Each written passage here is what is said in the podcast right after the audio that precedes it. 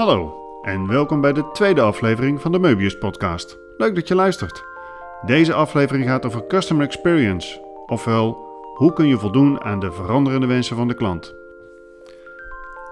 Mijn naam is Marcel van Trier en vandaag praat ik met Arthur Wendel van Möbius. Hey Arthur, Hey Marcel. wat is nou eigenlijk het belangrijkste als je een strategie voor customer experience gaat ontwikkelen? Ja, eh, kijk, in onze eh mini-guide staat dus eh, dat je heel erg op moet letten op welke eh, digitale technologie je inzet. Je moet natuurlijk weten wel, wie je klanten zijn en hoe ze zich gedragen. En daar heb je technieken voor en, en eh, tooling voor om dat van het web te screpen als het ware. Om goede analyses te maken op websites. En het andere is dat je ook heel goed moet investeren in het contact met je klant. Dus hoe doe je dat dan? Hoe heb je goed interactie door kwalitatieve interviews houden? Dus één op één, veel geregeld, dat wel. En een andere is ook marktonderzoek te doen. Kan je laten doen of zelf uitvoeren. Of focusgroepen in te richten. Dat zijn gewoon eigenlijk de belangrijkste dingen. Ja, je moet dus echt goed weten wie je klant is en daar kan je allerlei technologieën voor inzetten. Dat is een hele goede samenvatting. Ja, En wat betekent dat allemaal voor de mensen in je organisatie? ja dat is een goede vraag. Eh het betekent natuurlijk heel veel voor mensen in de organisatie om goed met eh, klanten om te kunnen gaan. Vroeger werd er meer naar de hard skills gekeken. Van, eh, ken jij de producten goed kan je het goed verkopen? En tegenwoordig is het veel meer eh, gericht op eh, de zachte kant. Kan je goed contact maken met, eh, met je klanten. Dus daar begint het mee. En ja, daar gaat het dus over, heb je goede communicatieve skills? Hè? Kan je daar goed mee omgaan? Ja. Maar kan je ook heel goed problemen oplossen waar een klant mee komt? Breng je die dan van begin tot eind helemaal tot een succes? En heb je een goede focus ook op je klant? Weet je wie het is? En snap je dan ook goed ja, hoe, hoe die denkt en hoe die werkt? En daar hoort dus gewoon een professionele houding bij. En eh, ook de wil om echt te kunnen leren van die klant Mhm. en te leren samen met die klant. Ja, ja. En ehm, kan je daar nog meer over vertellen? Over hoe je dan zo'n zo'n team, hoe, hoe dat moet samenwerken? En, en, Ja, het zijn natuurlijk niet mensen alleen. Dus je zegt, nou goed, het is een team. Hè, dat moet zorgen dat ze in een goede structuur zitten. Want ik ben altijd overtuigd is dat de structuur die je hebt, die zorgt ervoor dat het juiste gedrag er is. Dus het is goed te kijken eh, naar een, een team mobile. Daar hebben wij een case van in de minikite opgenomen. Eh, die hebben daarover nagedacht. Hoe kan je nou een team zo goed mogelijk inzetten dat je toch subteams creëert, maar ook wat teams hebt die eh, frequent samen overleggen en eigenlijk een soort scrum team vormen of een scrum team zijn en zorgen dat zij op dezelfde tijd, op hetzelfde moment met elkaar overleggen en weten hoe zij hun probleem op kunnen lossen. En het gaat natuurlijk om eh, eh, voortgang te maken en eh, ja, goed ehm, je, je, je brand te, te bouwen. En wat je daarbij nodig hebt is dus betrokken medewerkers. We noemen dat ook employee engagement. En ja, hoe zorg je dat nou dat je, dat je medewerkers snappen wat je aan het doen bent? Want je klantreis kan perfect in orde zijn, maar het kan de mist gaan als je employees, dus je medewerkers, daar niet aan mee kunnen werken, omdat ze niet goed begrijpen wat je daar doet. Dus eh, het gaat dan over effectieve communicatie tussen de medewerkers, dat ze ook die, die klant weer begrijpen en dat ze ook eh, de goede emoties daarbij hebben. Ehm, ja, daar kan je op, onder andere meten met een NPS-score, extern. Je kan hem ook intern doen. En dan ga je dus een INPS eh, eh, Hmm. meten. Oh, ja. En dan, eh, als je dat weet, kan je de trend zien en weten of je steeds beter wordt of niet. Dus dan kan je ook continu eigenlijk je organisatie verbeteren. Dat is eigenlijk wel goed gezegd. Het is gewoon een continu verbeteren in je eigen organisatie met de mensen die je hebt in je team. En dan maak je het eigenlijk makkelijker voor de medewerkers en beter voor de klant. Precies. Een soort win-win situatie eigenlijk, hè? Ja, mooi. Ja. Nou, duidelijk verhaal, Arthur. Maar hoe weet je eigenlijk hoeveel mensen je in moet zetten?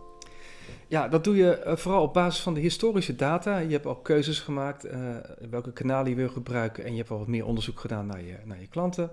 Je gaat ook nieuwe trends en eh, bijeenkomsten analyseren. En dat bij elkaar ga je bekijken, wat voor interactie heb ik dan nodig van mijn medewerkers met die partijen? Hoe ziet, ziet dat eruit? En als je dat hebt, dan kan je een, een schema gaan maken en je planning in elkaar zetten om je medewerkers dus in te plannen aan de slag, zou ik dan zeggen. En eh, dan is het wel heel belangrijk dat het management dag tot dag, ook op ad hoc basis, dit probeert bij te sturen. En dat doe je eigenlijk ook door goede analyses en eh, rapporten daarvan te maken om te kijken hoe is nou eigenlijk het echt in elkaar, hoe zit het echt in elkaar, hoe werkt het nu en daarmee heb je het cirkeltje rond. Nou is er de afgelopen tijd door corona natuurlijk heel veel veranderd in korte tijd in die kanalen die klanten gebruiken of, of kanalen die ze kunnen gebruiken. Hoe ga je er eigenlijk mee om? Hoe, kies je de juiste kanalen? En, en kan je de klant ook eigenlijk een beetje sturen? Ja, zoals je zegt, door corona is natuurlijk veel veranderd en veel naar digitaal gegaan. Ehm, ja, die, dat is best wel ingewikkeld om, om dat te kiezen. Dus je moet goed weten eh, welke vraag in de klantreis op een gegeven moment wordt gesteld. Welke, wat je type is, welke klant het is. Dus je moet ook die klantreis goed kennen. Die moet je wel goed kennen. Je moet echt weten van waar begint hij nou, hoe zoekt hij. En, eh, en in dat zoeken, daar zit dus wel het digitale aspect uh, waar je veel beter nu kan kijken, wat ook steeds meer bedrijven dat doen, van hoe ziet mijn website eruit en hoe komt mijn klant zo snel mogelijk dan tot, tot mijn producten en dat hij kan zien wat dat betekent. Um, wat ook uh, handig is, een kanaal is uh, een chat. Een chat met een real-time oh ja. medewerker erachter. Of een chatbot, die het begin is voor uiteindelijk een gesprek met de klant. Social media, Facebook, noem maar op. Je kan van alles daar, daarmee doen. En betekent uh, eigenlijk ook dat, dat, afhankelijk van waar de klant zit, is een klantreis dat je andere kanalenmix aan kan bieden. Precies, ja. En, en altijd is het wel zo dat je moet ze allemaal open hebben staan. Dus ook telefoon. Wat je vaak ook ziet, is dat de telefoon wel naar achteren wordt geplaatst. Want dat is het duurste.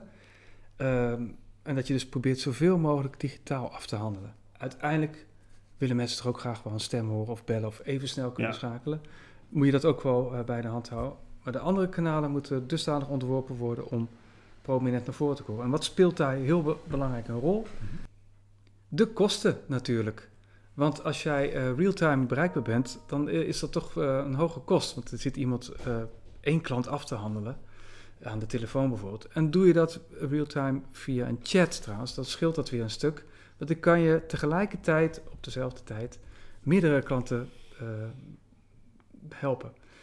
Uh, dus ja, daarmee optimaliseer je je kwaliteit of je capaciteit. En uh, je kan eventueel ook nog werken met virtuele assistenten die dat voor je doen. Dat scheelt ook weer heel veel. Dus die kosten, daar moet je vooral op sturen. Ja, en er zijn allerlei technieken en technologieën om, om de klant naar het, uh, jouw voorkeurskanaal te, te laten gaan. En, en ja, op het moment dat de, de klantreis verandert, zoals nu met corona, kan je dus ook die, de, het veranderen van voorkeurskanaal goed, goed sturen. Dat is eigenlijk ja. wat je zegt. Ja, precies. Ja. Daar heb jij trouwens ook nog eens een keer een uh, mini-guide over geschreven. Dat ja, kunnen over we de volgende keer wel Daar kunnen we wel eens nog wat dieper op ingaan. Dat is een Ja. goed idee. Ja. hey, en um, dat is natuurlijk, je, je noemt het al een paar keer, er is, er is heel veel afhankelijkheid van technologie. Uh, de technologie die komt eigenlijk gedurende hetgeen met uh, wat je vertelt telkens terug.